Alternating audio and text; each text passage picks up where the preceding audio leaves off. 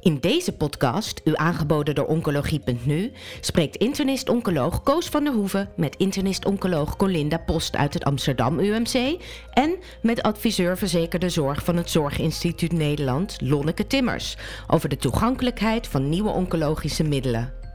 Aan bod komen onder andere de sluisperiode, doorlooptijd, rol van commissie BOM, commissie BAG, beschikbaarheid, de drupstudie en de commissie OOM. Toegankelijkheid voor nieuwe geneesmiddelen tegen kanker. Een hot item, omdat er heel veel nieuwe geneesmiddelen komen en omdat alle patiënten met kanker graag heel snel gebruik willen maken van deze geneesmiddelen. Over dit onderwerp ga ik praten met Colinda Post. Zij is internist-oncoloog aan het Amsterdam UMC. En met Lonneke Timmers. Zij is van huis uit apotheker en adviseur verzekerde zorg bij het Zorginstituut Nederland. Welkom allebei. Uh, allereerst een vraag uh, aan Colinda. Ik ben er eigenlijk toe gekomen om dit gesprek met je te beginnen, omdat ik las dat je een promotieonderzoek doet over dit onderwerp: toegankelijkheid, nieuwe geneesmiddelen tegen kanker. Hoe ben je zo gekomen? Nou, ik ben daartoe gekomen omdat uh, in het Amsterdam UMC er heel veel off-label medicatie wordt voorgeschreven, die dus niet voor vergoeding in aanmerking komt. Uh, en dat het best wel een grijs gebied is hoe je dan de uh, vergoeding organiseert. Het kost heel veel tijd en energie om voorafgaand aan de behandeling die uh, vergoeding voor elkaar te krijgen. En patiënten hebben vaak niet de tijd om daarop te wachten. dat is niet goed voor de patiënt. Daarom wordt er vaak gestart. En blijft er heel vaak een heleboel liggen, wat uiteindelijk toch niet vergoed wordt. En dat heeft mij nieuwsgierig gemaakt van hoe zit dat precies? Hoe uh, vindt registratie plaats? Hoe vindt vergoeding plaats? Daar gaan we dadelijk over praten. Lonneke Timmers, eigenlijk aan jou een klein beetje dezelfde vraag. Adviseur verzekerde zorg, dat is heel breed. Maar kan je iets vertellen over de rol die je hebt als het gaat om uh, dure geneesmiddelen tegen kanker, nieuwe geneesmiddelen tegen kanker? Um, ja, ik denk dat we in het gesprek nog wel meer op zullen komen wat de, de taak van het Zorginstituut is. Hè? De, het, het Zorginstituut is pakketbeheerder, dus uh, gaat over de verzekerde zorg. Uh, en dat doen we voor alle zorg. Uh, soms doen we dat heel uitgebreid en vooraf, voordat iets verzekerd wordt, moet het beoordeeld worden. En soms is er een meer open systeem waarin de zorg instroomt en we dan op enig moment kunnen kijken naar hoe het gaat. Um, en daar ben ik ja, op verschillende dossiers bij betrokken. Dan gaan we beginnen met de inhoud. Uh, hoe wordt een middel nou geregistreerd in Nederland? We weten dat dat Europees gebeurt, maar welke dossiers zijn er nu nodig om voor registratie in aanmerking te komen? Ja, dat is een hele goede vraag, Koos. De oncolytica die worden inderdaad geregistreerd via een centrale procedure bij de EMA. En uh, de registratie geldt dan voor alle EU-landen, dus ook voor Nederland. Maar autorisatie betekent uh, in Nederland nog niet direct vergoeding. Bij de EMA zijn verschillende dossiers uh, nodig. Als eerste gegevens over het product en de SMPC-tekst. daarnaast chemisch-farmaceutische gegevens. Dat zijn gegevens over samenstelling en bereiding van het medicijn en gegevens van kwaliteitscontrole. Als derde, farmacologisch-toxicologische gegevens. Dat zijn uh, de informatie die uh, nodig is over het preklinisch onderzoek. Dat gaat over toxiciteit en over werkingsmechanismen.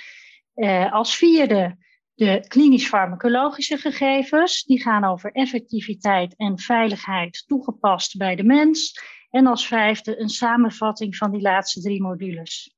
Ja, en dat gaat in verschillende stappen. En wat is dan de officiële status van een registratie in Nederland? Dus wat betekent het nu als de EMA zegt een middel is geregistreerd? Nou, als de EMA een middel geregistreerd heeft, dan betekent dat dat de farmaceut het middel in de handel mag brengen in Nederland.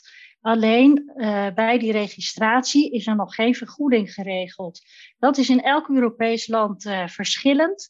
En volgens mij gaan we het straks even hebben over hoe wij dat in Nederland uh, georganiseerd hebben. Ja, want registratie betekent nog geen vergoeding, in ieder geval in Nederland niet. Welke stappen zijn er nog nodig om tot vergoeding te komen?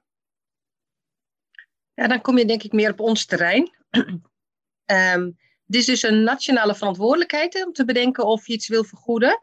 Ehm, en voor de beslissing om te kijken of iets wel of niet vergoed wordt, kijken we toch anders naar een medicijn dan bij de registratieautoriteiten die bepaalt of je het, of je het mag verkopen. Hè? Dus voor registratie kijken ze naar veiligheid, uh, werk, werkzaamheid, veiligheid, naar die balans. Wij vragen ons eigenlijk af, wat voegt dit geneesmiddel toe aan dat wat we nu hebben? En wat is het ons waard? Uh, hè, dus wat, wat willen we ervoor betalen? En is dat in balans? Dus dat is een andere vraag eigenlijk waar we naar kijken. Um, en de manier waarop we dat doen, dat is op verschillende manieren. Uh, het, eigenlijk heeft, hebben geneesmiddelen oncologie verschillende routes, zal ik zeggen, om in ons verzekerde pakket te komen. Voor de geneesmiddelen die uh, niet onder het ziekenhuis verantwoordelijkheid vallen, en dat, dat zijn niet zoveel middelen, maar bijvoorbeeld middelen zoals tamoxifen, die gaan via een, het geneesmiddelenvergoedingssysteem. Daarvoor moet de fabrikant bij ons dossier indienen, beoordelen we dat en neemt de minister een beslissing. Dat is het gesloten systeem. Mm -hmm. uh, maar de meeste oncolytica, zeg maar ook alle, alle nieuwe uh, dure middelen, uh, die vallen in het open systeem, in de, de verantwoordelijkheid van het ziekenhuis, de open aanspraak. En daarvoor geldt dat het in principe eh, verzekerde zorg is op het moment dat het voldoet aan de stand van de wetenschap en praktijk. Um, en daar is nog weer een speciale categorie in gemaakt, namelijk de geneesmiddelen waarvan we zeggen, we willen eigenlijk niet dat die zomaar um, kunnen instromen in de verzekerde zorg. Daarvoor is een sluis gemaakt en die maakt dat middelen eerst expliciet worden uitgesloten, uh, omdat er eerst een aantal dingen moeten gebeuren. Kom ik dadelijk op terug op de sluis. Uh, het Zorginstituut moet dus, dus vaststellen of iets voldoet aan de stand der wetenschap en praktijken. Het Zorginstituut stelt het officieel vast. Is dat correct? Ja, maar niet alleen. Want um, wij krijgen de vraag in het gesloten systeem. Dus bijvoorbeeld voor sluismiddelen beoordelen we dat. En we kunnen dat ook risicogericht doen. Maar wij kunnen dat niet voor alle zorg doen. Dus niet alles wordt vooraf getoetst. En op het moment dat wij dat niet doen, dan zijn in principe de zorgverzekeraars aan zet. Uh, en zij, voor geneesmiddelen hebben zij daarvoor een commissie opgericht die dat ook gezamenlijk doet. Dat is de CIBAG. Uh, dus het is eigenlijk denk ik uh, niet alleen het Zorginstituut, maar ook de, de zorgverzekeraars. Maar die nog even voor de duidelijkheid. Het Zorginstituut komt uiteindelijk met een advies aan de minister. En de minister neemt dan uiteindelijk het besluit of een geneesmiddel tot de verzekerde zorg gaat behoren of niet. Is dat correct? Ja, maar niet voor alle middelen. Dus voor de middelen die in de sluis zitten is dat correct. Maar voor middelen die niet in de sluis zitten, uh, geldt een andere toegangsroute, zou je kunnen zeggen. En daarvoor hoeft niet de minister een besluit te nemen. Uh, daarvoor uh, geldt de open instroom, waarbij de zorgverzekeraars bepalen of er aanspraak is. Oké, ik ga een aantal commissies met jullie doornemen. De, de, eerste is de commissie BOM. Welke rol speelt de commissie BOM in dit proces? De commissie beoordeling oncolytische middelen van de Nederlandse Vereniging Medische Oncologie, de NVMO. Nou, misschien is dat een vraag die ik het beste kan beantwoorden. De commissie uh, BOM is een uh, behoorlijk geprofessionaliseerde commissie die uh, de oncologen vertegenwoordigt en uh, aan de hand van paskwilcriteria bepaalt of een middel uh, voorgeschreven zou moeten worden of niet. Uh, het is eigenlijk zo belangrijk dat als het een middel is die in de open instroom komt en de commissie BOM keurt dat goed, dat we eigenlijk ook heel snel daarna een vergoeding zien in de G-standaard. Als het gaat om een sluismiddel, nou, daar hebben we net gehoord dat dat een langere procedure is. Maar uh, de commissie BOM speelt een belangrijke rol in of wij vinden dat we het moeten voorschrijven of niet. En als een middel niet voorgeschreven uh, zou moeten worden, dan is dat ook heel belangrijk. Want we willen geen medicijnen voorschrijven waar een patiënt geen baat bij heeft. Een voorbeeld is bijvoorbeeld de bevacizumab bij het ovariumcarcinoom. Uh, dat wordt op veel plaatsen in de wereld wel voorgeschreven. En wij hebben gezegd van nou, daar leeft een patiënt geen dag langer door, dus wij doen dat niet. In de eerste lijn? Bedoel In de eerste lijn, zeker. Ja. Ja. En um, de, het Zorginstituut, uh, hoe weegt het Zorginstituut de adviezen van de commissie BOM? Neemt de, de, het Zorginstituut wel eens een, een besluit zonder een advies van de commissie BOM? Ja, wij, wij vinden de commissie BOM ook heel belangrijk. Um, om, maar wij hebben een uh, zelfstandige procedure, zal maar zeggen. en op het moment dat een geneesmiddel in de sluis komt en de fabrikant vergoeding wil in Nederland, dan gaan we dat beoordelen en een beslissing maken of het wel of niet vergoed moet worden. Dus ook al is er dan geen CIBOM-advies, dan moet er natuurlijk toch een beslissing komen of iets wel of geen verzekerde zorg is. Dus we wachten daar niet op, zal maar zeggen. Ehm, maar ja, zeker. Wij vinden natuurlijk de commissie BOM ook belangrijk. De plaatsbepaling is belangrijk om te bedenken hoe, willen de hoe kijken de oncologen naar dit middel en hoe, op welke plek willen ze dit gaan inzetten in, in het behandellandschap. Eh, sinds een aantal jaar kennen we ook de CIBAG, de Commissie Beoordeling het Ongeneesmiddelen. Wat is dat? Wat doen zij?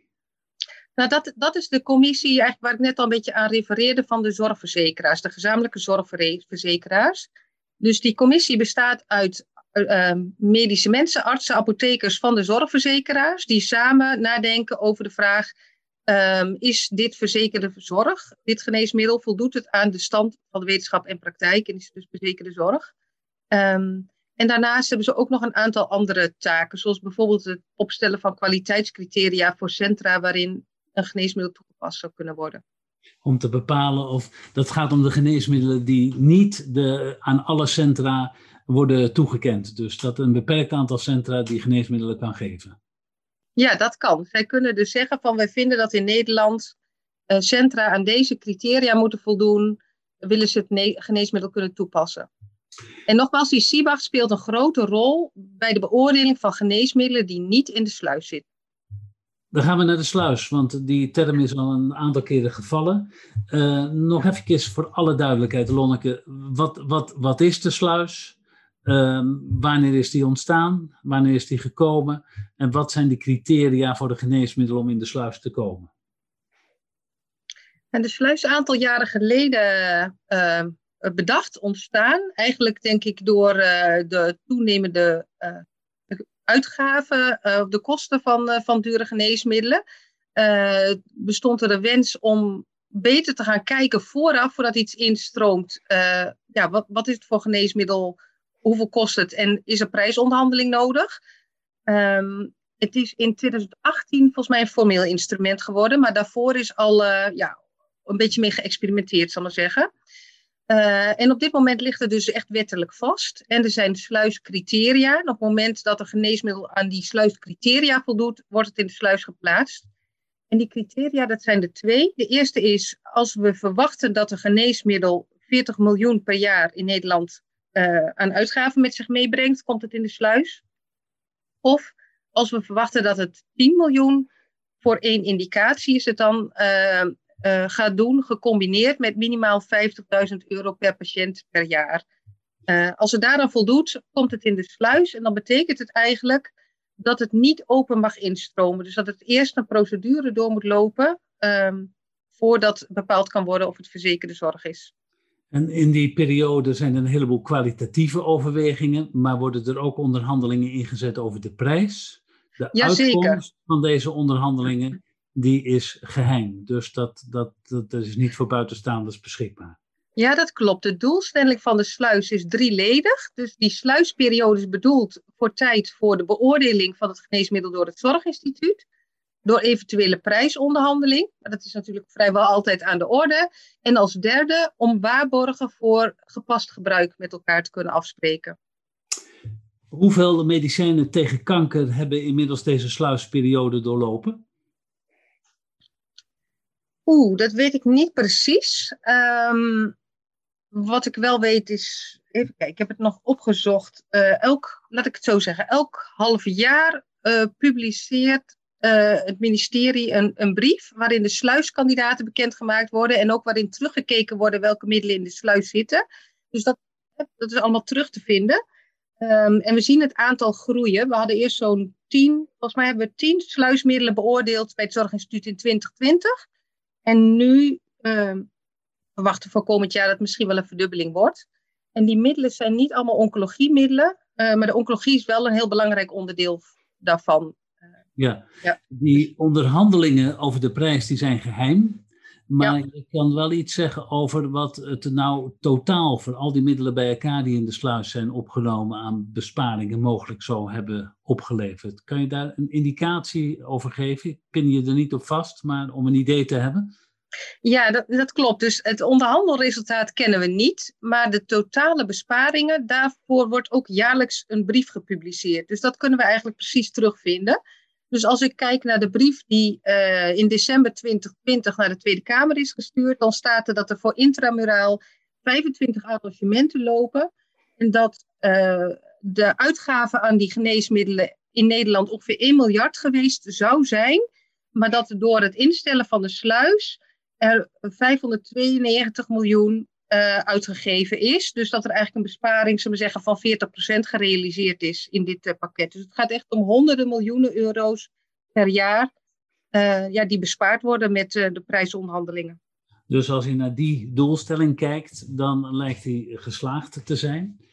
Um, toegankelijkheid um, is niet altijd helemaal gewaarborgd in de sluisperiode. En de doorlooptijd van de sluisperiode, die, die is flink opgelopen. Uh, kan je iets vertellen over waar die op dit moment op staat?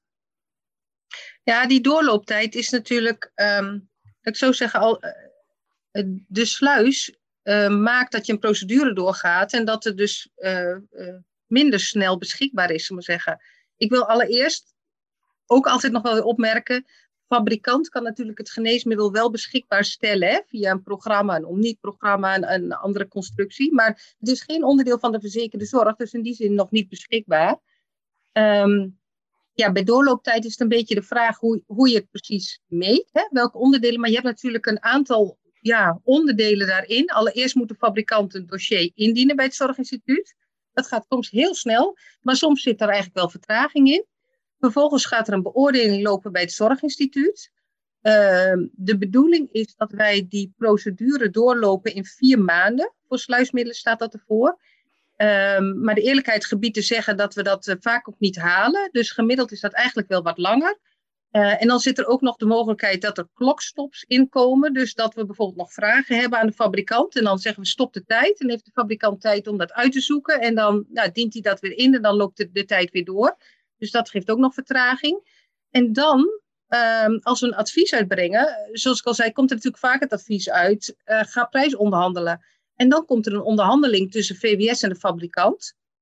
En die duurt ook zo lang als die duurt, zal ik maar zeggen. Er staat geen termijn op in Nederland.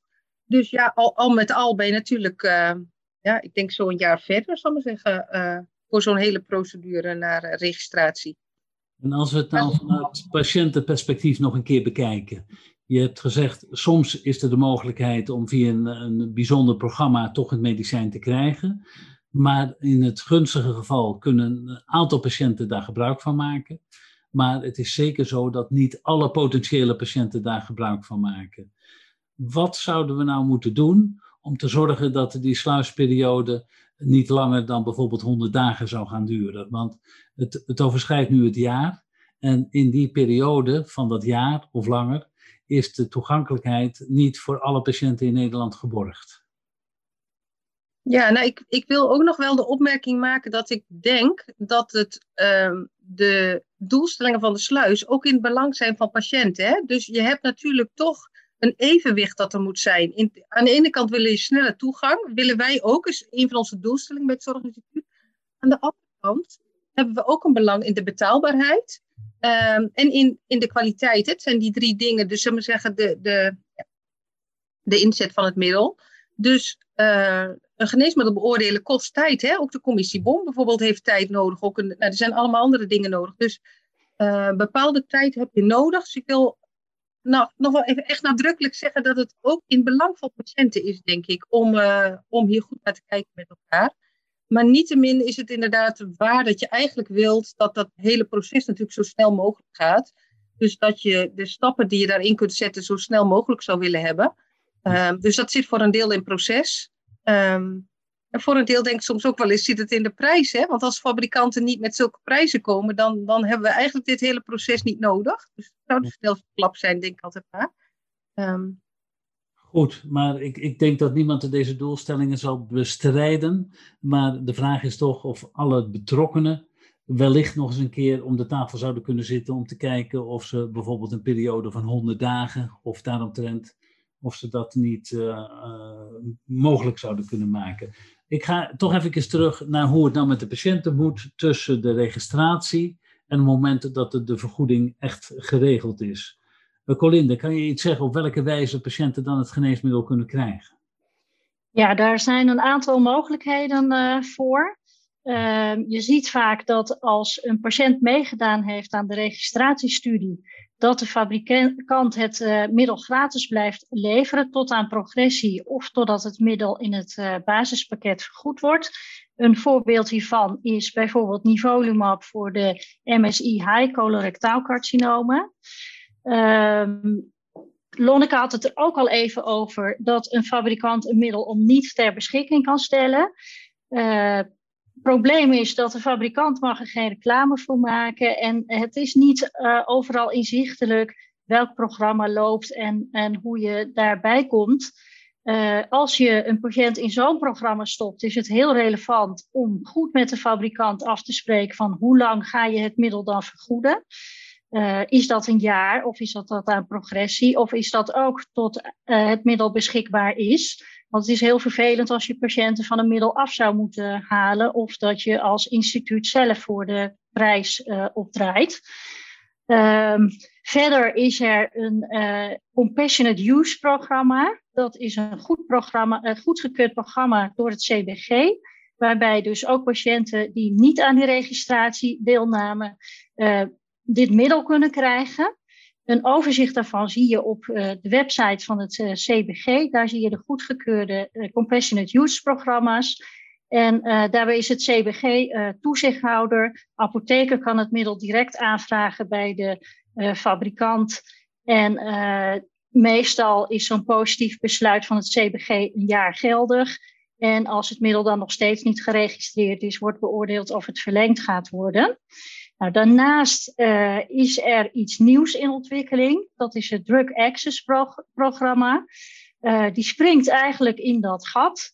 Uh, dat zijn medicijnen die dus in afwachting zijn van de registratie en waarvan wel verwacht wordt dat er een registratie aankomt. Een voorbeeld daarvan is de semiplimab voor het blavijzelcelcarcinoom van de huid. Dat loopt nu in een aantal centra. Uh, en uh, binnenkort komen er meer programma's die gaan lopen, verspreid over meerdere centra, als ik het goed begrepen heb. Uh, voordeel van zo'n programma is dat er registratie plaats kan vinden van de uitkomsten. En de insteek van het programma is dat als een patiënt ermee behandeld wordt, dat de eerste 16 weken door de fabrikant betaald wordt. En als uh, patiënt stabiele ziekte heeft of, of uh, uh, afname van ziekte, dan neemt de zorgverzekeraar de vergoeding hiervoor over. Nou, als laatste redmiddel heb je nog eventueel de individuele aanvraag bij de zorgverzekeraar. Die heeft een coulance regeling, maar dat is best wel een intensief iets waarbij de patiënt vaak niet kan wachten op het antwoord. Ja, jij doet onderzoek naar dit hele systeem. Ben je er tevreden over? Eh, zeg je dit is voldoende of eh, constateer je hiaten? Nou, ik denk dat het Drug Access programma uh, wel heel goed inspringt op het gat wat er ligt.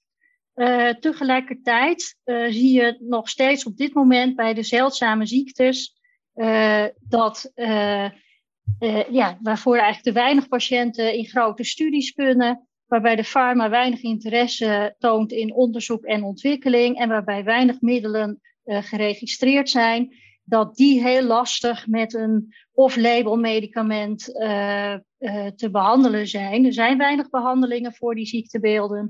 En dat vind ik nog een moeilijke categorie, die ik ook heel graag in een systeem zou inbrengen, uh, zodat we landelijk kunnen zien van wat loopt er al en kan een patiënt meedoen, waarbij dan ook geregistreerd wordt wat de uitkomst is. Want dat is bij die individuele aanvragen bij de zorgverzekeraar nu niet het geval. Als er al vergoeding is, dan uh, ja, dan wordt niet geregistreerd op niveau van, van ziekte of wat dan ook, van, van hoe doen die middelen het dan. En dat is, dat is wel een gemiste kans, denk ik. Oké, ik had nog één vraag over de sluis. Als een middel geregistreerd is voor de ene indicatie en de sluisperiode doorlopen heeft, en er komt dan een tweede indicatie voor hetzelfde geneesmiddel, moet het uh, geneesmiddel dan opnieuw de sluisperiode doorlopen om een prijs en vergoeding vast te stellen? Ja, uh, ja dat kan. Oh, sorry.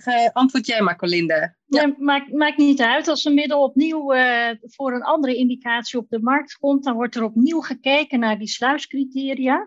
Want het kan zijn bijvoorbeeld dat het een veel grotere groep is die in aanmerking komt voor die behandeling, waardoor uh, je toch op de sluiscriteria opnieuw uitkomt. En dan kan het zijn dat het middel voor die indicatie opnieuw in de sluis geplaatst wordt. Dus dat kan, maar dat hoeft niet. Er zijn ook uitzonderingen op mogelijk. Ja, het hoeft niet als, als die indicatie al onderhandeld is, bijvoorbeeld. Hè? Als er al een prijsafspraak is gemaakt, ook over toekomstige indicaties. Oké, goed. Dan heb ik nog een vraag over een eh, indicatie. Als een, een nieuw medicijn of als een medicijn geregistreerd wordt voor een indicatie waar ook al een ander medicijn voor is. En het betreffende net geregistreerde medicijn moet nog de sluisperiode in of er moet nog vergoeding geregeld worden is het dan mogelijk om voor dat middel een, uh, een access-programma te hebben, of is dat niet mogelijk? Ik kan het misschien nog uitleggen. Nivolumab was bijvoorbeeld geregistreerd voor longkanker. Uh, even later kwam pembrolizumab voor dezelfde indicatie. Zou het mogelijk zijn dat er dan voor pembrolizumab in die periode een access-programma is, terwijl er al een vergoede situatie voor nivolumab is? Uh, nou, de voorwaarde voor een access-programma is dat er geen alternatief beschikbare behandeling is. Uh, dus in principe, als er al een behandeling is, uh, is er geen access-programma beschikbaar. Oké. Okay. je noemde het net al eventjes heel kort. voor sommige medicijnen is er maar één geregistreerde indicatie. Maar zijn er toch aanwijzingen dat andere tumorsoorten ook baat zouden kunnen hebben bij dat betreffende medicijn. Hoe kan je nou regelen dat in Nederland een patiënt toch voor zo'n medicijn in aanmerking komt? Nou, ook daar is, uh, zijn verschillende mogelijkheden voor. Uh, eventueel studiedeelname. Ik denk dat het buitengewoon essentieel is dat we in Nederland weten welke studies waar lopen. En dat dat uh, ook bij een centraal loket inzichtbaar is.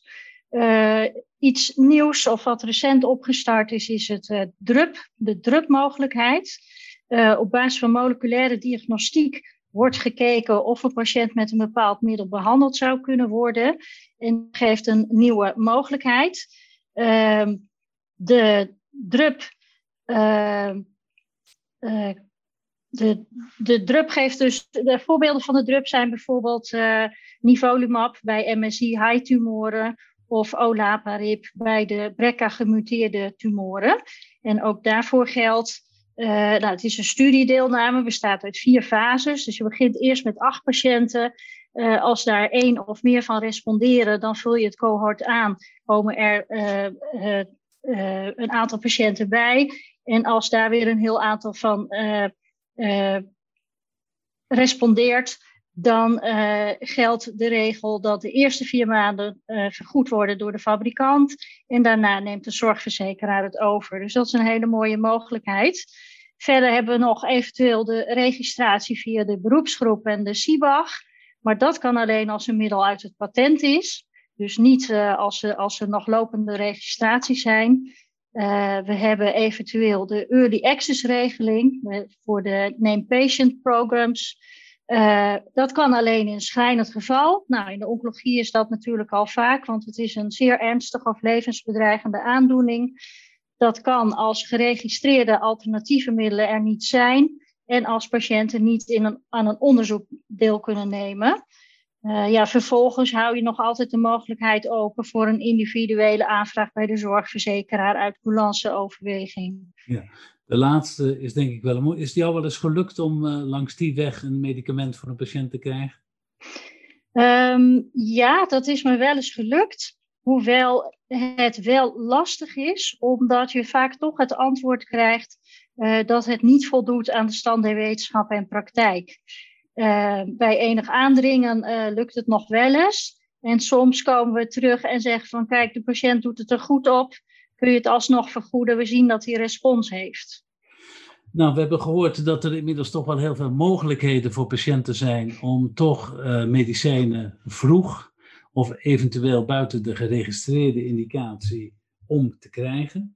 De NVMO is 15 jaar geleden uh, begonnen met het maken van een consensustekst. En dat had vooral te maken met het feit dat er off-label indicaties zouden kunnen zijn en dat de vergoeding daarvoor niet geregeld was. Colinda, wat, wat is er gebeurd met die consensustekst? Zijn daar middelen van uh, gekomen die inmiddels wel een vergoedingsstatus hebben? Of wat, wat is er mee gebeurd? Ja, die consensustekst werd jaarlijks geüpdate en dat is tot 2016 uh, gebeurd. En daarna is er het een en ander veranderd in het registratiesysteem. Geneesmiddelen uh, worden inmiddels vergoed op ZI-nummer met merknaam en per add-on een specifieke indicatie. En het geneesmiddel wordt alleen vergoed voor die specifieke indicatie. Dus het is een heel ander systeem geworden. Elk middel heeft een uh, add-on gekregen. En er wordt dus bepaald of het voor een bepaalde indicatie wel of niet vergoed wordt. Wellicht is die consensustekst enigszins overgenomen door de commissie OOM. Dat is de commissie of label indicatiestelling oncologische middelen. Die gaat over de niet-EMA-registraties. Um, en uh, commissie OOM die overlegt in deze casuïstiek ook uh, met korte lijntjes met de CIBAG en uh, ik, dus ik denk dat die, de, die die lijst waar je het over hebt ver, uh, vervangen heeft. En dat heeft er wel toe geleid dat een aantal off-label indicaties, dat die toch voor vergoeding in aanmerking zijn gekomen binnen de oncologie. Jazeker. Ik denk dat uh, bijvoorbeeld de perioperatieve vlot, waarbij doosstaxel steeds maar niet vergoed werd, ik kan me voorstellen dat die via de commissie OOM gegaan is. Uh, maar het blijft lastig, omdat de commissie OOM toch ook met de criteria zit van stand der wetenschappen en praktijk. En we in de praktijk toch wel vaak dingen willen gebruiken met weinig evidence voor die ene schrijnende patiënt. Uh, dus blijft lastig. Uh, de, de, de, indicaties of de, de criteria, die moeten denk ik nog verder uitgewerkt worden. En de commissie BOM 2.0, die een soort van samengevloeid is met de commissie OOM uh, gaat daar ook aan werken. Die is daar al mee bezig. Uh, Colinda en uh, Lonneke, we hebben een heleboel gehoord. Colinda die, die gaat ja, op een gegeven moment een proefschrift schrijven. En ik ben eigenlijk al een klein beetje benieuwd naar de aanbevelingen die je daar misschien in zal hebben. Zou je daar een klein beetje op kunnen speculeren? Um, ja, dat is wel heel erg vooruitlopend. Um, ik denk dat het, een, uh, dat het grijze gebied wat er is, uh, dat we dat eigenlijk beter moeten organiseren. Met name voor de zeldzame ziektebeelden, dat er een uh, loket komt en dat er geregistreerd wordt wat uitkomsten van behandelingen zijn. Wellicht moeten we onderzoeken of het proces versneld kan worden. Uh, in Duitsland is een heel ander systeem. Daar heb je direct instroom en wordt achteraf gekeken of uh, een middel wel of niet vergoed zou moeten worden. We zouden daar eens naar kunnen kijken van hoe werkt dat en waar komen we op uit. Het is alleen lastig omdat uh, prijsafspraken en dergelijke niet inzichtelijk zijn. ik denk wel dat we een heel goed systeem hebben dat we tenminste geen medicijnen voorschrijven die niet uh, toepasbaar zijn in onze praktijk en daarmee al een heleboel uh, geld uitsparen. Maar er komen zoveel ontwikkelingen aan in de oncologie, dat ik zelf ook wel heel benieuwd ben van waar staan we over tien jaar? Hoe ziet ons landschap er dan uit? Ik denk toch wel hier heel anders. Nou, we hebben heel veel informatie gehad over toegankelijkheid, bekostiging, registratie van geneesmiddelen tegen kanker. Ik wil u allebei heel hartelijk danken voor de bijdrage aan deze podcast. Dank jullie wel. Bent u geïnteresseerd in meer podcasts? Deze zijn te vinden op de website oncologie.nu.